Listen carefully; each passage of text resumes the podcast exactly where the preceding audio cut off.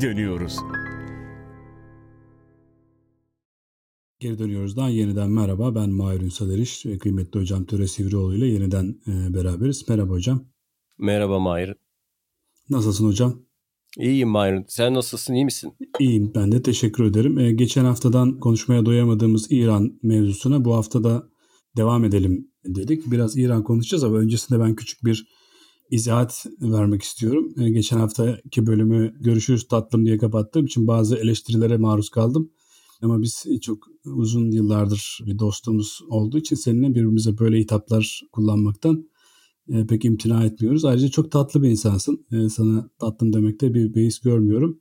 Konuyu fazla sulandırmadan hemen İran'a geçmek istiyorum. Şimdi İran'ın ilk çağ ve orta çağından nispeten konuştuk. Biraz orta çağından alıp günümüze doğru gelmek icap ederse sana ilk olarak şunu sormak istiyorum. İran çok köklü bir dünya medeniyeti. Kendi dini, kendi kültürü, kendi savaş anlayışı, kendi felsefesi, kendi e, coğrafi bir takım dinamikleri olan özgün bir medeniyet. Ne oldu da İran İslam'la tanıştı ve İslamiyet'i kabul etti? Ne zaman oldu bu? İran İslam'la bu Halife Ömer devrinde ki Arap akınları zamanında tanıştı ve bu tanışma hani uzun zaman bazı tarihçiler tarafından hani çok olumlandı. İşte İran halkının gönüllü bir şekilde Müslümanlığı kabul ettiği, işte Arapların eşitlikçi bir yönetim tarzına sahip oldukları için İran'da da yoksulların ötelenen işte halk tabakalarının Arapları bir kurtarıcı olarak gördüğü iddia edildi. Bunlar tabi biraz romantik teoriler. Yani gerçekte İran'ın İslam'la tanışması böyle bir tebliğ, gönüllülük esasından çok ve askeri bir tanışmaydı. Çünkü çok güçlü bir Arap akını gerçekleşti. O zaman Sassaniler devrinde, e, Sassani hanedanı zamanında ve çok İran yorgundu. Yani neden Araplar bu kadar kolay İran'ı fethettiler? Yanlış hatırlamıyorsam 634'te başlıyor bu savaş ve 642'lerde falan bu Nihavend Savaşı falan son buluyor. Yani 10 yıl falan sürüyor. Tarihlendirmelerde başka farklı başlangıçlar ve sonuçlar var ama bu 10 yıllık periyot sabit. Son Sassani kralı 3. Yezdigerd'in Horasan taraflarının işte öldürülmesiyle kendi adamlarının ihanetiyle ve o şeye çok benzer. Son Sassani kralı Yezdigerd'in kaderiyle son Pers şahı Darius, 3. Darius'un kaderi olağanüstü derecede birbirine benzer. İkisi de batıdan gelen fetişçi ordular karşısında kaçıp Doğu İran'a, İran'ın doğusuna sığınmışlar ve orada hayatlarını kendi adamlarının eliyle kaybetmişlerdir. Hatta bu İskender'in seferleri sırasında 3. Darius öldürüldüğünde İskender'e getiriyorlar onun işte cesedini falan. İskender ona ihanet eden adamlara şey diyor. Kendi krallarına ihanet eden bana da ihanet eder diyor. Onları ödüllendirmek yerine cezalandırmış. İki hükümdarın yani İran'ın iki ayrı döneminde yaşanan olay birbirine anca işte bir takım filmlerde, edebiyat eserlerinde benzetilebilecek kadar birbirine çok benzer. Bu anlamda yani İslam'la tanışma biraz askeri bir şeydir, tanışmadır. Yani tebliğ ya da felsefi bir tanışma sayılmaz başlangıcı. Peki bu İran'ın İslamiyetle tanışması yani tabii yüzyıllar süren bir maceranın başını temsil ediyor ama bugün yani günümüz için düşündüğümüzde İran aynı zamanda Şiilik demek. Şiiliğin kaynağı, merkezi kalbinin attığı yer demek. Peki bu Şiilik meselesi nereden geliyor? Yani ne oldu da İran bugün böyle Şia ile birlikte anılan bir duruma geldi. Hep mi Şiiydiler? İşte artık bu noktada biraz herhalde şeye gelmek icap ediyor. Öyle değil mi? Safevi devletine artık biraz giriş yapmak gerekiyor herhalde. Şimdi bu Arapların İran'ı fethetmesi tabii İran'ın tamamen Müslüman olması anlamına gelmiyor. Yani İslam'la tanışma bütün İranlıların hani bu çok iddia ediliyordu ama gerçek değil. Çünkü Arap coğrafyacılar ve İranlı coğrafyacıların tanıklıklarına bakarsak yani seyahatnameleri vesaire 10. yüzyılda bile İran'da mecusiliğin, mecusilik de denilen eski Mazda inancının çok güçlü olduğunu görüyoruz. Mesela Ebu Dulef'in falan seyahatnameleri okunduğunda coğrafya kitapları hala o kutsal ateşe tapınıldığını, çok köylülerin hala mecusi oldukları onların deyimiyle Mazdaist diyebiliriz biz aynı zamanda aynı anlamda e, oldukları söyleniyor. Yani İran'ın İslamlaşması bir kere 10. yüzyılı bulmuş ve birçok kent defalarca isyan ediyor. Arap yönetimine ve Müslümanlara karşı dönem dönem eski dinlerine geri dönenler var. Özellikle bu Hazar Denizi'nin güneyi bu Taberistan bölgesi yani Mazenderan bölgesi çok uzun yüzyıllar. Araplar giremiyorlar oraya. 9. yüzyıla kadar, 10. yüzyıl ortalarına kadar tam bir hakimiyet sağlanamıyor. Yani bu işte okul kitaplarında anlatıldığı gibi İran fethedildi ve toplu halde hep beraber işte İslam'a geçtiler falan zaten o şey değil tam gerçek değil.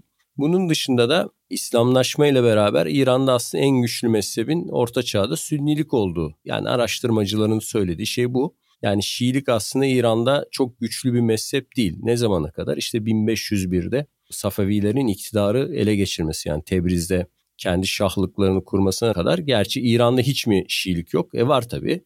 Ya da İran'ın hemen komşusu olan Mezopotamya bölgesi yani Irak, Güney Irak bölgesi zaten biliyorsun Şiiliğin en önemli kalbi yani aslında orası. Yani işte o Küfe, Necef, Kerbela bölgesi, bugünkü modern Güney Irak ve Kuvvet bölgesi. Oradan zaten İran'a sürekli bir etki var ve Sünni güçlerden kaçan Şiiler zaman zaman İran'a sığınıyorlar ve İran'ın geniş coğrafyasını özellikle demin bahsettiğim o Taberistan gibi bütün e, heterodoks hareketlere, kanun kaçaklarına ya da merkezi kuvvetlerden kaçanlara büyük bir sığınak olan bölgedir.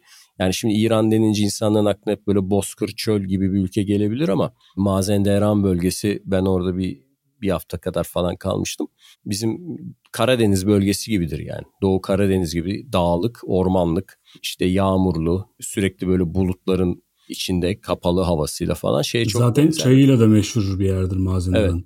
Ya hem öyledir hem çağdaş İran tarihinde de hani bu bir takım Marksist gerilla örgütlerinin ilk ortaya çıktığı ilk böyle şaha karşı işte hareketlerin başladığı yerler falan gene oralardır. İşte o siyah kal falan var ya meşhur Cengeli hareketleri falan. Yani o bölgenin yüzyıllara dayalı bir böyle İran'ın geneline karşı bir işte genelinden daha farklı, daha içe kapanık, daha böyle merkezi otorite işte meydan okuyan o merkezi otoriteye karşı böyle isyan eden bir geleneği vardır. Çok enteresan bir şekilde Mesela bütün İran Müslümanlaşırken o Mazenderan bölgesi Mazda dinine inanmaya devam etmiş yüzyıllar boyunca. Sonra bütün İran İslam'a geçip Sünni olunca e, Mazenderan bölgesi ilk Şiileşen bölge tepki olarak. Şiiler iktidarı ele geçirip Safevi yönetimi kurulunca daha farklı bir Şiilik mezhebi gelişerek gene muhalefete devam etmişler. Yani o mesela Şah İsmail de Sünniler kadar Mazenderan'ın yerli Alevi Şii yapısıyla da mücadele ediyor. Onları kendine rakip olarak görüyor.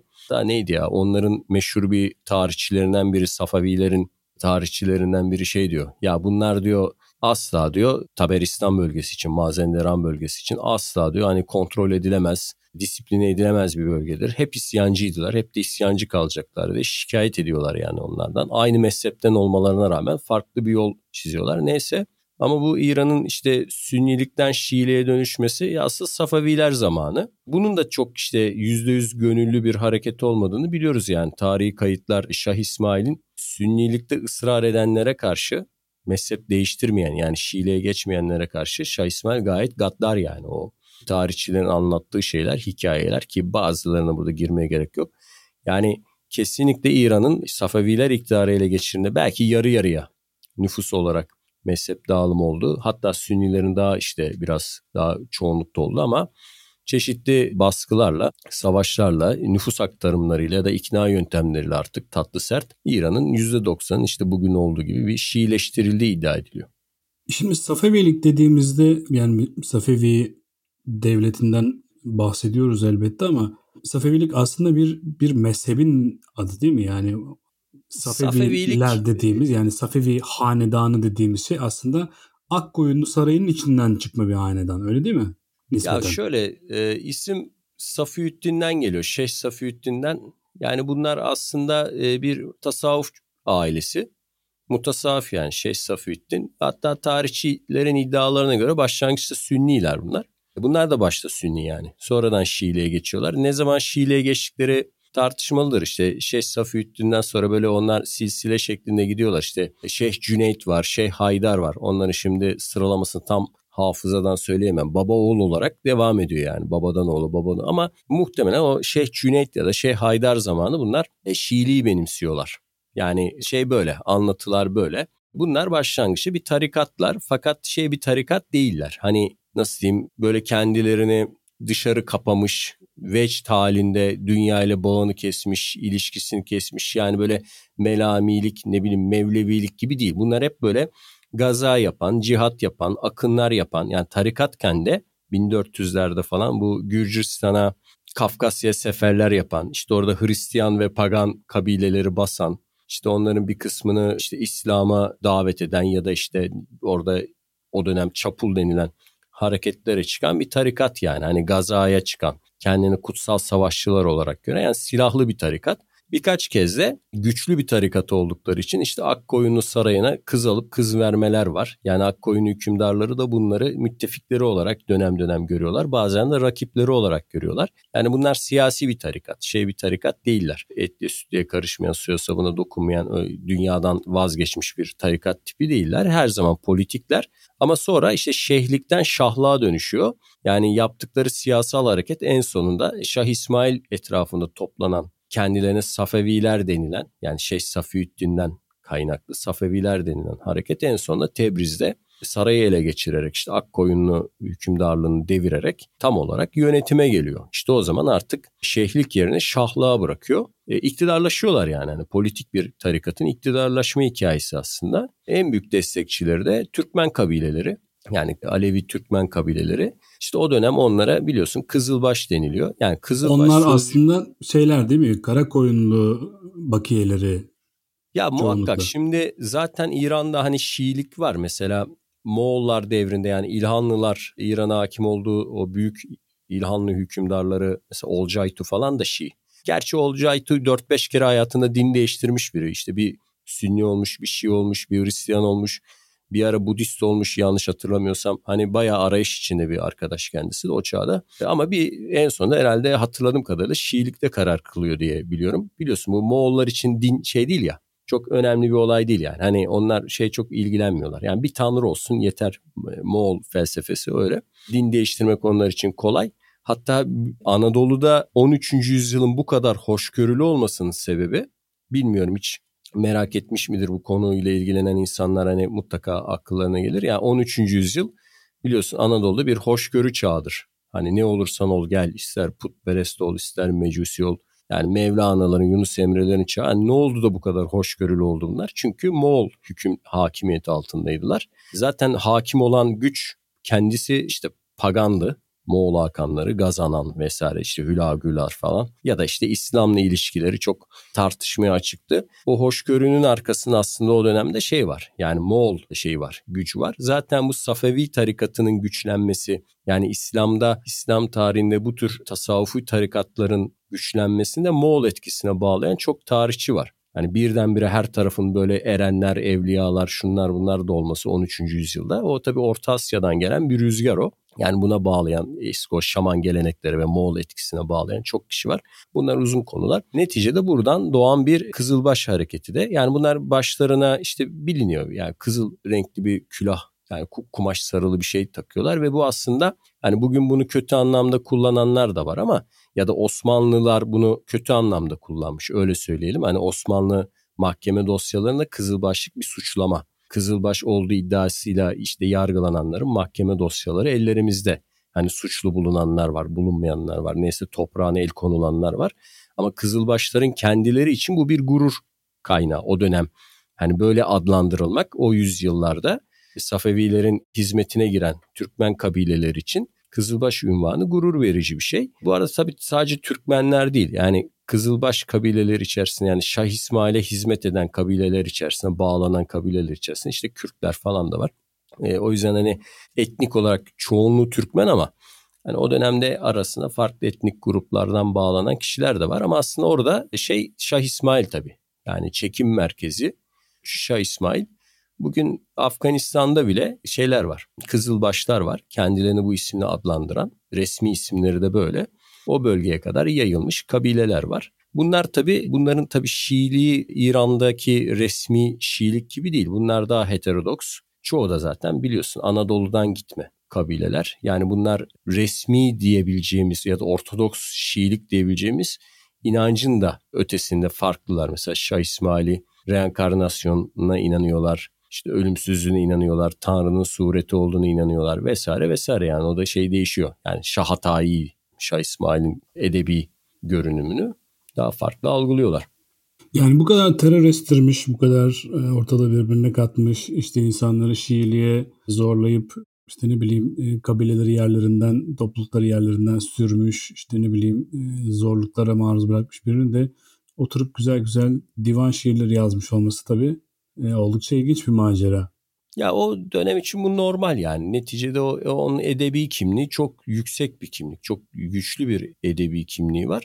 Ama yani o çağın şeyleri de oydu. Yani neticede hani Fatih Sultan Mehmet'e baktın onun da hani güzel şiirleri var. Resim çizmiş, resim defterleri falan var ya. Gerçi onun olup olmadığını hala tartışıyorlar ama muhtemelen onun bir yandan da ama o da yani rakiplerine karşı, düşmanlarına karşı o da çok hoşgörülü, toleranslı bir insan sayılmazdı. Hani o dönemin şartları bu ama tabii Şah İsmail biraz daha böyle kendi çağında düşmanına daha çok korku salan diyelim bir kimlik olarak ön plana çıkıyor. Özellikle Özbeklerle yaptığı savaşlarda o Şeybani Han'a falan öldükten sonra işte anlatılanlar, tarihçilerin anlattıkları tabii bugün mesela bunlar o biraz da o coğrafyaya Asya, iç Asya'ya doğru yapılan savaşların şeydir bu Cengiz de öyledir ya. Yani Cengiz de akla geldiği zaman daima aslında iyi bir asker ve komutan olmaktan çok biraz dehşet salmasıyla da hatırlanır. Timur da öyledir. Yani biraz da kendi dönemiyle anlamak lazım. Bu insanlar aynı zamanda he, Timur da Cengiz de yani bu savaşlardaki dehşet salan yanların dışında aynı zamanda bilime, kültüre olağanüstü derecede sahip çıkan, destek veren insanlardı. Yani bu da çok enteresandır yani. Mesela Cengiz işte Budist rahiplerle tartışır. Timur aynı şekilde tasavvufçularla oturur, işte günlerce konuşur, eder, şairleri korur, sanatkarları korur. O yüzden hani bunu bu Romalıların tanrısı var ya Yanus iki tane ayrı yüzü var. Hani böyle görmek lazım herhalde. Peki yani Safeviler deyince tabii çok uzun uzun e, Şah İsmail konuşmak gerekiyor ama bir yandan Şah İsmail'in bizim hayatımızda da yani bizim coğrafyamızda da çok yani ciddi etkileri var. Çünkü Anadolu'da da bir takım böyle kendini taraftarlar örgütleyerek yani Anadolu'nun içlerine kadar ya da Kağızman'a kadar gelmiş herhalde değil mi? Belki daha bile Erzurum'a kadar mı gelmiş? Onu şimdi hatırlayamıyorum da Diyarbakır'da bir dönem Diyarbakır Safevilerin önemli bir merkezi. Yani o tarihe baktığımızda. Fakat Safevileri destekleyen ya da onlara sempati duyan, onlardan aldığım mesajla ayaklananlara falan baktığında bütün Anadolu'yu kapsıyorlar. Yani Menteşe bölgesinden yani Güney Marmara'ya kadar uzanan bir alan ama daha çok tabii Tokat, Çorum, işte Amasya, Sivas, Çukurova bölgelerinde çok yoğun bir destekçisi var. İşte Osmanlıların şeytan kulu dediği işte şah kulu ayaklanması, ondan sonra ne bileyim işte kalender e, Çelebi ayaklanması, Kalenderoğlu ayaklanması bunlar güçlü büyük hareketler yani. E, şey değil yani Osmanlı Devleti'nin biraz zorlanarak bastırdığı, yani bir şekilde bastırdı ama ve çok da büyük bir nüfus göçü İran'a doğru yani Anadolu boşalmış baya. Çok büyük göç aşiretler mesela İran'daki o dönem Kızılbaş aşiretleri göç edenlere baktığın zaman zaten isimleri şeyini belli eder yani Rumlu. Hani Rum kelimesini işte Hı-hı. konuşuyoruz ara sıra. Rumlu ne bileyim işte Şamlu o Kuzey Suriye'den Halep bölgesinden göç eden işte Türkmenler, işte Ustacılılar, Afşarlar, Kaçarlar bütün bu şeyler, boylar topluluk halinde Anadolu'yu terk edip bir tersine göç şeklinde İran'a gidiyorlar. Safevilere sığınıyorlar ya da onlara katılıyorlar. Orada tabii şunu da görmek gerekiyor. Yani göçebeleri çekiyor kendine Şah İsmail. Yani bunu sadece böyle mezhep, Alevilik, Sünnilik, din konusunda tartışmamak lazım. Yani Şah İsmail'in belli bir sarayı yok. Çadırda yaşıyor. Yani göçebe halinde bir hükümdar. Uzun süre yani Çaldıran Savaşı'na kadar. Onun yaşam tarzı şeyleri kendine çekiyor yani. Göçebeleri kendine çekiyor. Ve Osmanlı ona göre tabii daha yerleşik. Daha böyle artık Bizantik olmuş. Zaten Osmanlı biliyorsun yani en anlaşamadığı adam göçebedir aslında. yani bizim öğrenciler bunu bilmezler. Hani Osmanlı'da en çok ayaklanan halk Türklerdir. Osmanlı'yı en çok uğraştırmış topluluk Anadolu'da Türklerdir, Türkmenlerdir. Yani Osmanlı en çok onlarla uğraşmıştır yani. En çok 120 büyük Türkmen ayaklanması var Osmanlı tarihinde. Yani bütün diğer bu işte bizim işte Osmanlı ihanet ettiler, onu yaptılar, bunu yaptılar diye sayılan bütün azınlıkları toplasan Türkmen ayaklanmaları kadar sayıca da etmiyor, güç olarak da etmiyor, destek olarak da etmiyor. Yani aslında Osmanlı'yı en çok direnen Orta Anadolu, Doğu Anadolu, Çukurova bölgesi Türkmenleridir yani. Çok uzun yüzyıllar boyunca Osmanlı egemenliğini kabul etmediler, etmek istemediler. Çeşitli nedenlerle direndiler. Bu tabi sadece Safevi hareketiyle ilgili bir konu değil. Yani Germiyanoğulları da direndi, Karamanoğulları da direndi. İlla böyle mezhebi bir şey de yok. Ama bir şekilde Osmanlı egemenliği Anadolu'ya kendini çok zor kabul ettirdi. Yani işte bu da Yavuz Sultan Selim zamanında falan yaşanan o büyük çatışma bunun bir parçasıdır yani. Anadolu'yu egemenliği kabul ettirme çabasının. Bunlar daha sonra tabii Anadolu'yu büyük oranda terk ediyorlar ve biz bunu tarih defterlerinde yani nüfus defterlerinde bu bir görülüyor yani. Hani kalabalık yerlerin ıssızlaştı, insansızlaştı. Bugün de işte İran'da kimi diyor 20 milyon, kimi diyor 30 milyon işte Türkçe konuşan insan var. Ya bunların büyük kısmı da bir kısmı da yani en azından Osmanlı'dan yapılan göçlerle gelenler yani. Ve hala da yani biliyorsun o Oğuz Türkçesinin, hı hı. Güneybatı Türkçesinin çok anlaşılabilir versiyonlarını konuşuyorlar. Şunu merak ediyorum yani son yıllarında Şah İsmail, Şah İsmail zaten çok uzun bir ömrü de olmamış aslına bakarsın. Belki 40 yaşını bile görmedi büyük ihtimalle. Evet ama çok küçük şeye çıktığı için tahta yani şeyin başına geçtiğinde 12 yaşında falan diye hatırlıyorum. Bu Safevilerin etrafındaki o Türkmen beyleri tarafından savaş reisi olarak kabul edildiğini yani onun biat edildiğinde 12 yaşında Hı-hı. falan ve 12 yaşından işte Çaldıran Savaşı'na kadar bu hiç yenilmiyor. Hiçbir savaşta yenilmiyor. Yani ta o Akkoyunlularla yaptığı mücadeleden Şeybanilere yenmesine kadar Orta Asya'da hı hı. hiç yenilmiyor. E, Çaldıran'da da tabii yenilmesinin sebebi de şey aslında yani e, bunlar geleneksel savaş ekibi yani hı hı. süvari Ateşli silahların Kar, devreye girmesi. Tabii, kargıyla, okla savaşan hani böyle ne bileyim şövalyevari. Zaten öyle savaşılması gerektiğini inanıyorlar. Osmanlı'ya da kızıyorlar. Hani şimdi neden kızdıklarını burada söylersek e, birçok tenkit alırız. Hani bir şeylere benzetiyorlar Osmanlı'yı.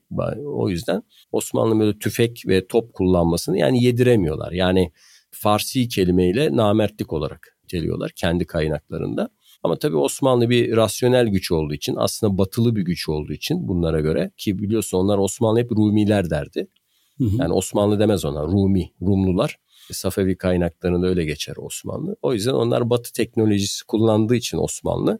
Hani bunu da şöyle söyleyelim yani işte biz batılılaştık da şöyle olduk da hayır Osmanlı hep batılılaşmaya çalışıyordu. Osmanlı batıdaki teknolojinin her zaman takipçisi ve meraklısıydı ve kendi doğusuna karşı Memlüklere karşı, İran'a karşı her zaman da Batı teknolojisi ve standartlarının da temsilcisiydi. Çünkü Osmanlı ordusunun her zaman ne bileyim işte Macar top ustası vardı. Osmanlı ordusunda İtalyan denizci vardı. Haritacı vardı. Bu böyleydi yani. O yüzden o ateşli silahlar sayesinde Çaldıran Savaşı'nda karşı tarafı ağır bir yenilgi uğrattılar. Gerçi işte İran tarihçileri itiraz ediyor. Hayır biz yenilmedik falan gibi. Öyle değil ama ya o Çaldıran Savaşı kesin Osmanlı zaferidir. Çünkü Yavuz Tebriz'e kadar girmiş yani neticede. Ama tabii daha da ilerleyemiyorlar. Çünkü İran coğrafyası fethedilebilecek bir coğrafya değil. İran'ı gezenler görenler bilir. Hani mesela Türkiye'de biz neye alışız? İşte İzmir'den yola çıkıyorsunuz. 2 saat 3 saat sonra gene işte bir büyük kente geliyorsunuz. 3 saat sonra işte Bursa'da Kocaeli 1 saat Kocaeli'den işte İstanbul bir saat falan gibi. Yani biz böyle çok küçük alanlar içerisinde çok büyük yerleşimler olmasına alışık bir ülkede yaşıyoruz. Ha, İran öyle değil yani. İki kent arasında 500 kilometre şey var. Yani mesela Tebriz'den Tahran'a gitmek işte 500 kilometre. Orta çağda arada neredeyse hiçbir şey yok. İşte gerçi o zamanlar Tahran önemli bir yer değil de Rey önemli neyse. Tahran değil de Rey önemli. E, Rey'den İsfahan'a gitmesi gene 500 kilometre. Gene arası çöl.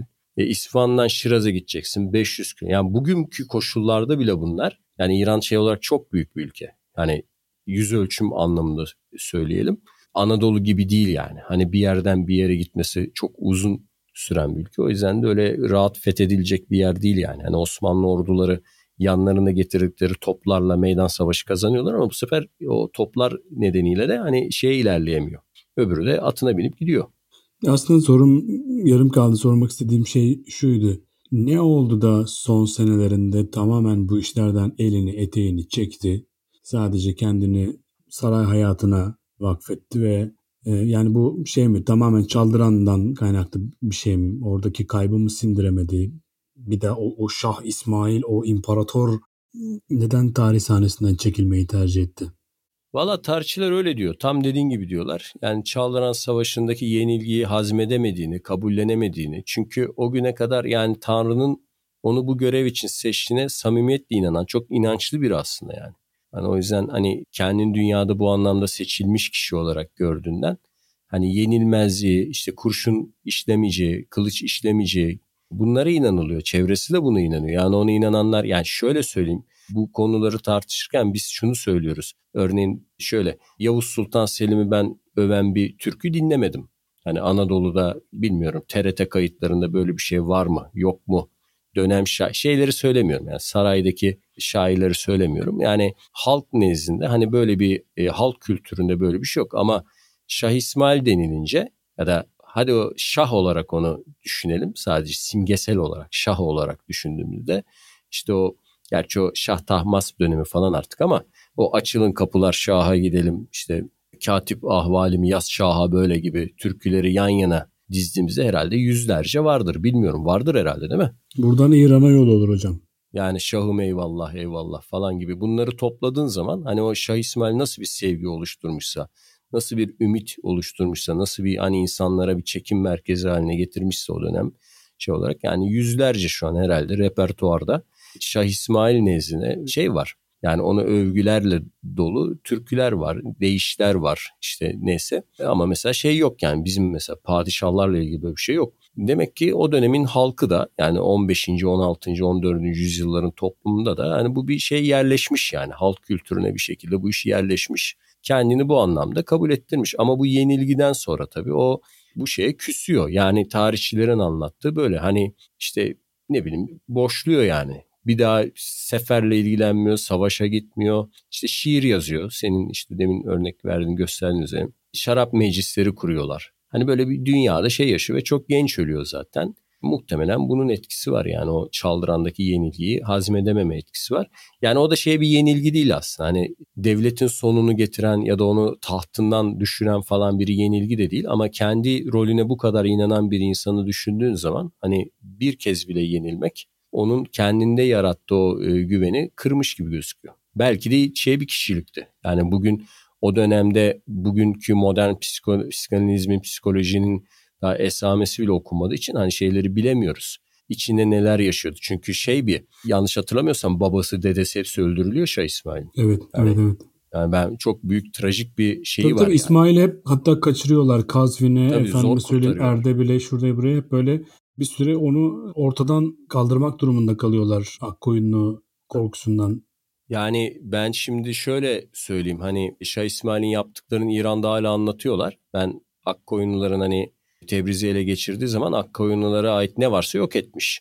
İşte bunları eski Akkoyun hükümdarların mezardan çıkartmış, ölülerin işte sokaklarda ata bağlayıp sürmüşler falan böyle anlatırlar. Hatta bir cami var şimdi adını hatırlamıyorum. Tebriz'de Akkoyunlulardan kalan bir cami. Ben oraya gitmiştim. E, böyle mezbelelikti orası. Bakımsızdı, e, döküktü. İçinde ibadet yoktu. Ya burası niye böyle dedim yani hani Kültür Bakanlığı onların var ya bir Ferhenk bilmem ne bakanlığı. Hı hı. Buraya Kültür kay- ve İslami İrşat Bakanlığı. Ha, öyle İslami İrşat bir şey bir şey bir, çok uzun bir ya dedim buraya dedim şey yapılmıyor mu dedim bir kaynak maynak. Yok bilerek yapmıyorlar dediler. Niye dedim. E bu dediler işte Sünni işte Akkoyunlulardan kalan buraya hani bir daha şey yapılmasın askeriye de vardır ya öyle cezalı kamyonlar falan. Hani kimse onlara benzin kimse ona benzin vermez falan o kamyona. Onun gibi onları hala bile o şey devam ediyor yani gelenek. Hani şimdi bunu şöyle yorumlayabilirsin. Hani mezhepler arası bir çatışmadan doğan bir şiddet ama bunun içine bir çocuğun bütün ailesini yani kaybetmesi, ak koyunların saldırılarını bu böyle de bakılabilir. Ne yazık ki bizde daha hani Freud'lar, Lacan'lar şunlar bunlar çıkmadığı için hala memlekette bu tarihe böyle mesela Freud'un hani o Mısır hükümdarlarının falan değerlendirme tarzları, bakış açıları var ya hani o eski Oedipus kompleksleri yok. Akhenaton'un işte şeyleri falan. Güneş Kral analizleri o ekolün. Bizde daha bu yok. Yani bir bizde de böyle biri çıksa da hani mesela bugünkü şey bilgimizle insan ruhu üzerine edindiğimiz bilgilerle biraz bunları eşelese incelese o bizim alanımız değil. Muazzam şeyler çıkacağına eminim ama. Yani o ailenin bütün ailesini kaybeden bir gencin 12 yaşında eline de büyük bir silahlı güç geçtiği zaman o Tebriz'i aldığında falan 15-16 yaşlarında falan olması lazım. Çok genç çünkü o zamanlar. Yani nelere yol açtı, nasıl bir enerji ortaya çıktığını göstermesi açısından keşke şeyler bunlarla ilgilense yani bu konularla. Yanlış hatırlamıyorsam Tahmasp da öyle çok erken yaşta tahta geçti değil mi? Hatta Bunların daha, hepsi- daha bile erken. Bunların hepsi çok erken ölüyor. Yani bu Safevi sülalesinde böyle 60 yaşına kadar 70 yaşına kadar yaşayan tek kişi yok. Tahmasp biraz Yani- daha uzun yaşamış galiba. Olabilir. Tahmas biraz uzun yaşamıştır. Şimdi tek tek hatırlamıyorum. Birinci Abbas da uzun yaşamış olabilir. Ama uzun yaşadıkları için mi uzun tahta kalıyorlar? Çocukken çıktıkları için mi? Şimdi onu hatırlamıyorum. Ona bakmak lazım.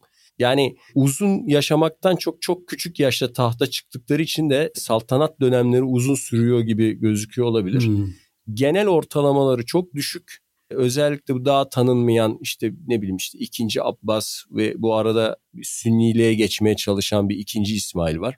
O Şiilikten Sünniliğe geçmeye çalışıyor ya da en azından Şiiliği Sünniliği birleştirmeye çalışıyor. O büyük o öldürülüyor galiba ya da zehirleniyor.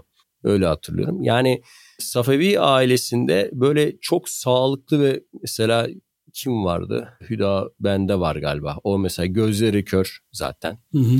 Bunların yani bir kısmı şey diyorlar. Yani çok yoğun bir alkol tüketimi ve başka bazı keyif verici maddeler İran'da bu biliyorsun bugün de hala yaygın olan çok yoğun kullanıyordu diyorlar. Zaten şeyler bunları hiç iyi yad etmezler. Yani İran'daki mollalar geleneksel olarak hani Safevi ailesini hani evet tamam hani Şiiliğe önünü açtılar ama şahıs olarak şey yapmazlar fazla hani örnek kişiler olarak ön plana çıkarmazlar. Çünkü çoğunun yaşantısına hani hep böyle eleştirilir. Hani çok yoğun bir alkol tüketimi olduğu vesaire. Muhtemelen bu genç ölümlerin bir nedeni de bu. Çünkü yani büyük kısmı bunların 28, 38 o yaşlarda ölüyorlar yani. Hani böyle Safevi ailesinde Sen- şahlarını Sen anlatırken baktım şimdi. Tahmasp 10 yaşında tahta çıkmış ve 62 yaşında ölmüş. Yani, Yani. e, 52 yıllık bir şeyi hükümranlığı var. Ama yani İsmail sonra Tahmasp sonra ardından gelen diğer e, Safevi hükümdarları bir noktada ama hep Osmanlı ile çatışma içinde olmuşlar. Yani işte hep büyük bir kavga olmuş arada bu e, işte 1639'da imzalanan işte Kasr-ı Şirin'le işte bugünkü mevcut sınırların işte ilan edilmesi falan filan diye öğretiyor resmi tarih ama o, o sınırlar da korunmamış aslında. Osmanlı o sınırları daha sonra defalarca geçmişti. bilgi yarışmalarında bile bu hata yapılıyor. İran'la son savaşımız ne zaman oldu diye 1639 diyorlar. O bizim İran'la son savaşımız demek değil. O o sınır bir daha değişmedi demek. Yani az çok sabit kaldı anlamına geliyor. İnsanlar şey sanıyor. yani 1639 Kasr Şirin haninden sonra bir daha İran'da savaş olmuyor. Defalarca daha savaş oldu. Özellikle Nadir Şah devrinde 1700 işte 20'ler 30'larda çok ciddi savaşlar oldu. Sonra 1800 yıllarda da Rus-İran savaşı sırasında biz Rusya'ya yardım ediyoruz. Öyle enteresan şeyler de var. Oldu ama sınır sabit kaldı. Ya Safevilerin de Osmanlı ile sürekli savaştı. O da tam böyle hani şey değil. İlk 1501'de kuruluyor bunlar. Hı. 1555 bu işte Amasya Antlaşması'ydı galiba. O zamana kadar zaten iki taraf birbirini resmi olarak tanımıyor. Yani iki taraf da birbirini kafir olarak niteliyor. Yani buradaki işte Osmanlı yönetimi onları Rafizi diyor. Hani dinden yoldan sapmış. Onlar da bu tarafa aynı suçlamayı yapıyor. İki taraf birbirini hukuken tanımıyor. İşte bu Amasya Antlaşması'ydı galiba o 1555'te. Sonra ilk defa bir sınır anlaşması yapılıyor. Sonra işte bizim Osmanlılar Ferhat Paşa Antlaşması'yla bayağı bunlardan toprak alıyorlar. Onlar e, Nasuh Paşa Antlaşması'yla onları geri alıyor. Yani sınırlar sürekli gitmiş gelmiş. Daha sonra işte bu Kasr-ı Şirin'den sonra biraz yumuşuyor ve ılımlaşıyor. Yani çatışma şeyi biraz azalıyor yani. 1639'dan sonra o şeyin enerjisi azalıyor. Özellikle bu birinci Abbas devrinde çok güçleniyorlar. Yani Safavi devletin aslında gerçek şeyi yani bir imparator falandan bahsedeceksek o dönem için zaten Batılılar şey derler Abbas dönemine yani Pers imparatorluğunun yeniden doğuşu. Yani Abbas Özellikle aslında doğuda şey- değil mi? Tabii. Yani o Buhara'ya. Ya şimdi Bağ, yo, Bağdat'ı alıyorlar Hı, Osmanlı'dan. Bağdat'ı alıyorlar. Kafkasya'da işte o e, Şirvan, Mirvan oraları alıyorlar. Osmanlı'yı bayağı zorluyor. E, birinci Abbas. Doğuda da yani işte Belhi alıyor, Babürlerden Kandahar'ı alıyor falan. Bayağı büyüyorlar yani sınır olarak.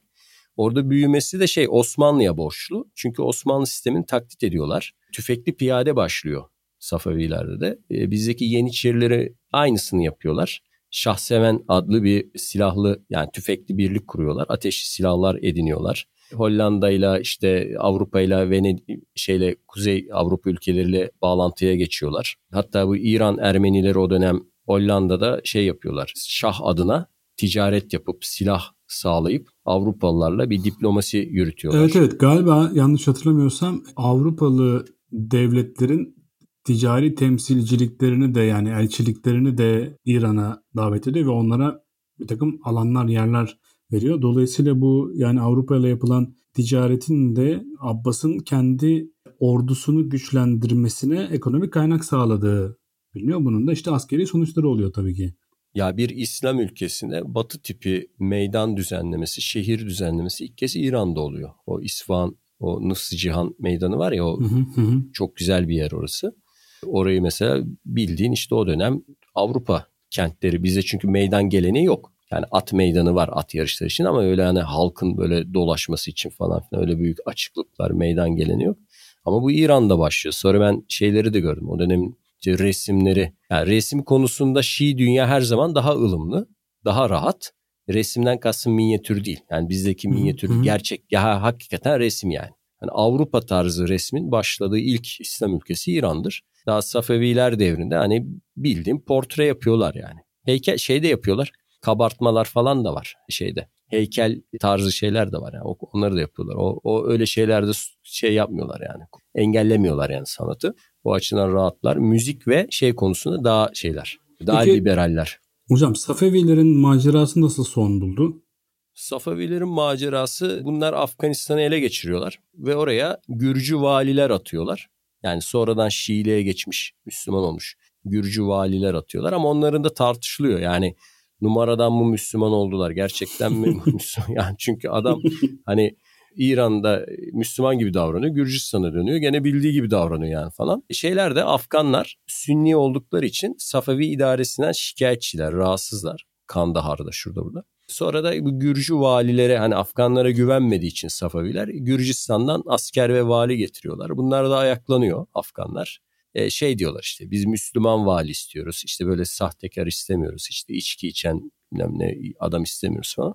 Sonra bu Afgan isyanı büyüyor savaşçı bir kabile zaten Afganlar. Bunlar da artık son dönemler Safevilerin iyice şehirleşmişler, Persileşmişler. Yani tam o şeye uygarlaşmışlar öyle diyelim tam anlamıyla. Afganlar bunları her savaşta yeniyorlar ve başkent o zaman İsfahan. Başkenti kuşatıyorlar. Aylarca aç kalıyor halk. Ve Safeviler kendi başkentlerini kurtaramıyorlar. Osmanlı'dan falan yardım istiyorlar. Ve çok enteresan bir şeydir bu. Afganlar Safevileri yıkarken adım adım Afgan ordusu şeye kadar geliyor. Hemedan'a kadar geliyor. Yani Türk sınırına kadar neredeyse geliyor ve Osmanlılar Afganları durduruyor savaşla. Yani o şeylerde hikaye yani. Hani mezhep yüzünden falan Afganlar da Sünni, Osmanlı da Sünni ama Af- Osmanlı savaşçı Afgan kabileleri yerine daha bildiği, daha anlaşabilir, daha kentli, kentlileşmiş olan o İran Safevi şeyini hanedan tercih ediyor örneğin. Yani o şeyler hayal görüyor tarihte ne bileyim işte Sünniler bir tarafta birleşiyordu, Şiiler bir tarafta birleşiyordu. Bunlar sürekli savaş. Hayır öyle değil. Tarih o kadar kaba değil. Safevilerin yıkılması da böyle. Yani aslında uzun hikaye tabii özetlemek gerekiyor. Türkmenleri küstürdüğü için yıkılıyor Safeviler. Türk kendi Safevilerin gücü Türkmenlerden geliyordu. Alevi Türkmen kabilelerinden, Hı. boylarından geliyordu. Şah Abbas bunları ihmal ediyor. İşte tüfekli piyadeye geçiyor. Tüfekli piyadeleri de bizde olduğu gibi Gürcü ve Ermeni devşirmelerden Çerkezlerden alıyor.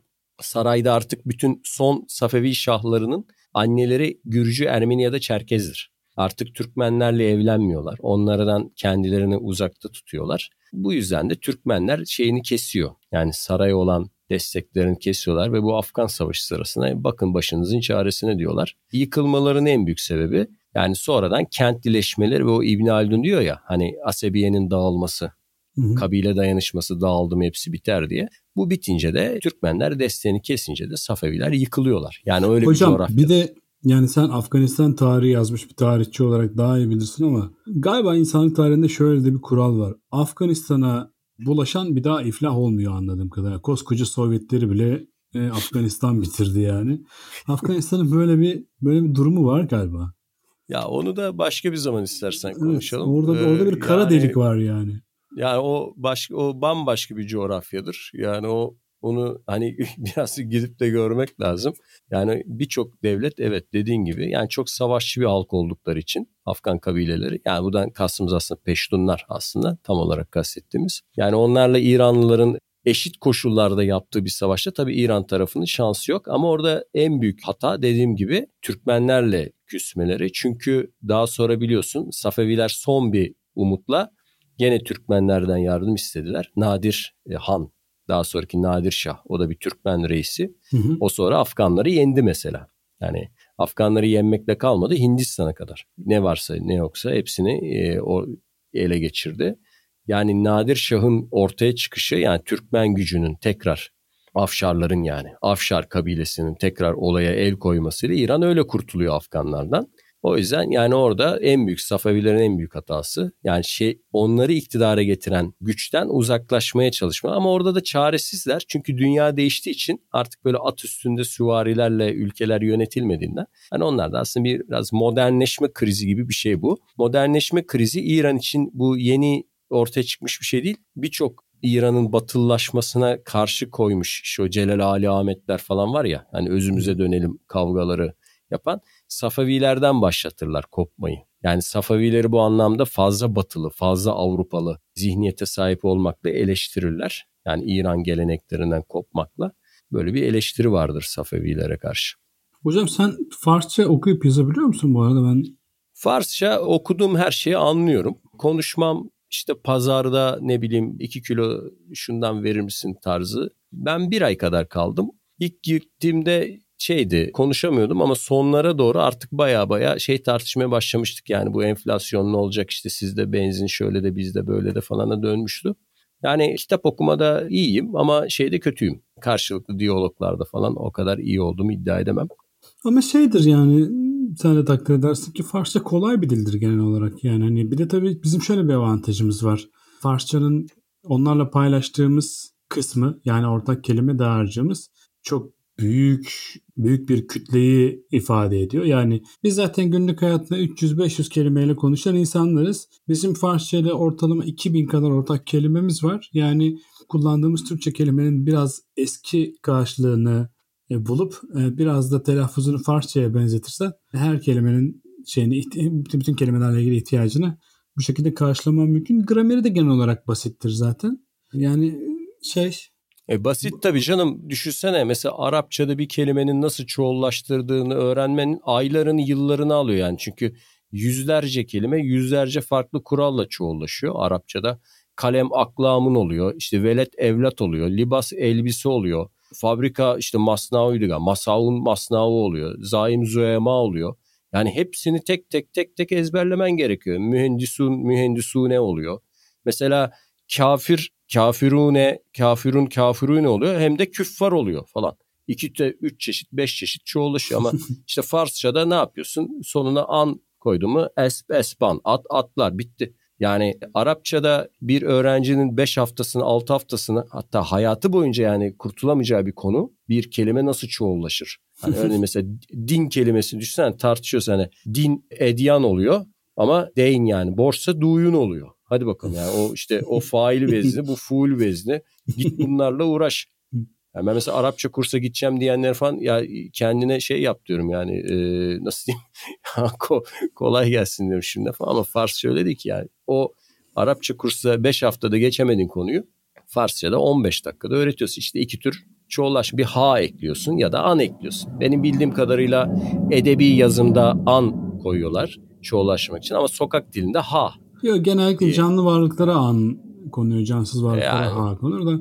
Yani. Yani evet basit gramer olarak basit böyle. Ben tabii çok gençlik zamanında öğrenme imkanı bulmuştum. Çok geliştirme şansım olmadı ama bazen burada böyle İran lokantalarına falan gittiğimde böyle Farsi sipariş verince falan çok e, şaşırıyorlar, seviniyorlar ve onlar da böyle Türkçe konuşmaya çalışıyorlar. Çünkü böyle batılı yani şey e, İran Azerbaycan'ından işte Tebrizli evet. insanlar çıkıyorlar genellikle.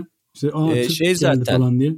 İran Farsça öğrenmek için iyi bir ülke değil yalnız. Yani buradan giden Türklere şöyle bir tavsiyede bulundum ya. O kadar çok Türk ve o kadar çok Türkçe konuşan kişi var ki.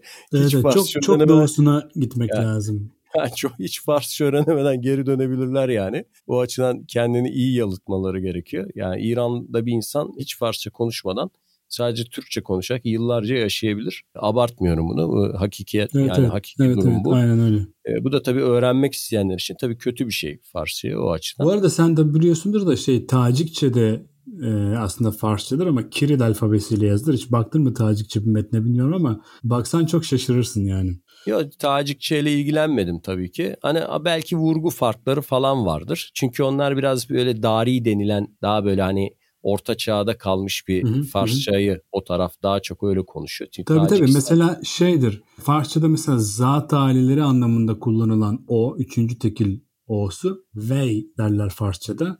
O mesela gündelik dilde vey o demektir mesela Tacikçe'de. Yani daha daha zaten- eski bir Farsça konuşuyorlar. Tabii O'ya daha dönük oluyor onların şeyleri. Yani A seslerini O'ya o eski bakteriya dillerinde falan da öyle. Orta Asya Fars şey Fars diyaleklerinde A yerine O kullanma şey güçlü oluyor. Ama Onlara çok ilgilenmedim açıkçası. Yani Tacikçe vurgu farklarıyla. Bir de tabii Tacikçe bir metinle karşılaşmak da çok kolay bir şey değildir herhalde. Neyse hocam yine daldık gidiyoruz. Bence İran'ın tarihini konuşmakla iyi ettik. Belki ilerleyen zamanda yine İran'a döneriz. Biraz daha güncel tarihinden yani şahların sonuncusuna kadar e, getirip konuşabiliriz belki e, meseleyi. Ama bugün benim açımdan çok öğretici bir e, program kaydı oldu. Sayende bir sürü şey öğrenmiş oldum yine. Dur kapama. Şimdi Kapamıyorum. genelde sen beni övüyorsun. Ben bu sefer de ben seni öveyim. Ve konuyla ilgili bir kitabın Farsça'ya çevrildi. Değil mi? Evet, O- evet. Öbürküler şey kitabın Farsça'ya çevrildi. Evet, peki nasıl şey yapabildin mi? Bakabildin mi? İran'da şey nasıl olmuş? Hocam beni Instagram'dan falan sürekli etiketliyorlar İran'da işte kitabı alanlar edenler falan. Hiç fena görünmüyor yani. Böyle hatta şöyle şeyler fotoğrafını çekip etiketlemek değil kitaptan bir kısmını okumuş mesela sesli olarak. Böyle videolar kaydetmişler. Onları etiketliyorlar falan. Hiç fena görünmüyor. Bu arada bir kitabım daha Dünya Bu Kadar kitabımda yeni e, bitti çevirisi bu sene bitti bakalım o da baskı sırası bekliyor o da çıkacak İran'da yani O imza günü falan yapacaksan haberleşelim. beraber Gidelim, gidelim. şey bir. Evet bir beraber Evet, gidelim evet, ya evet. İran'a.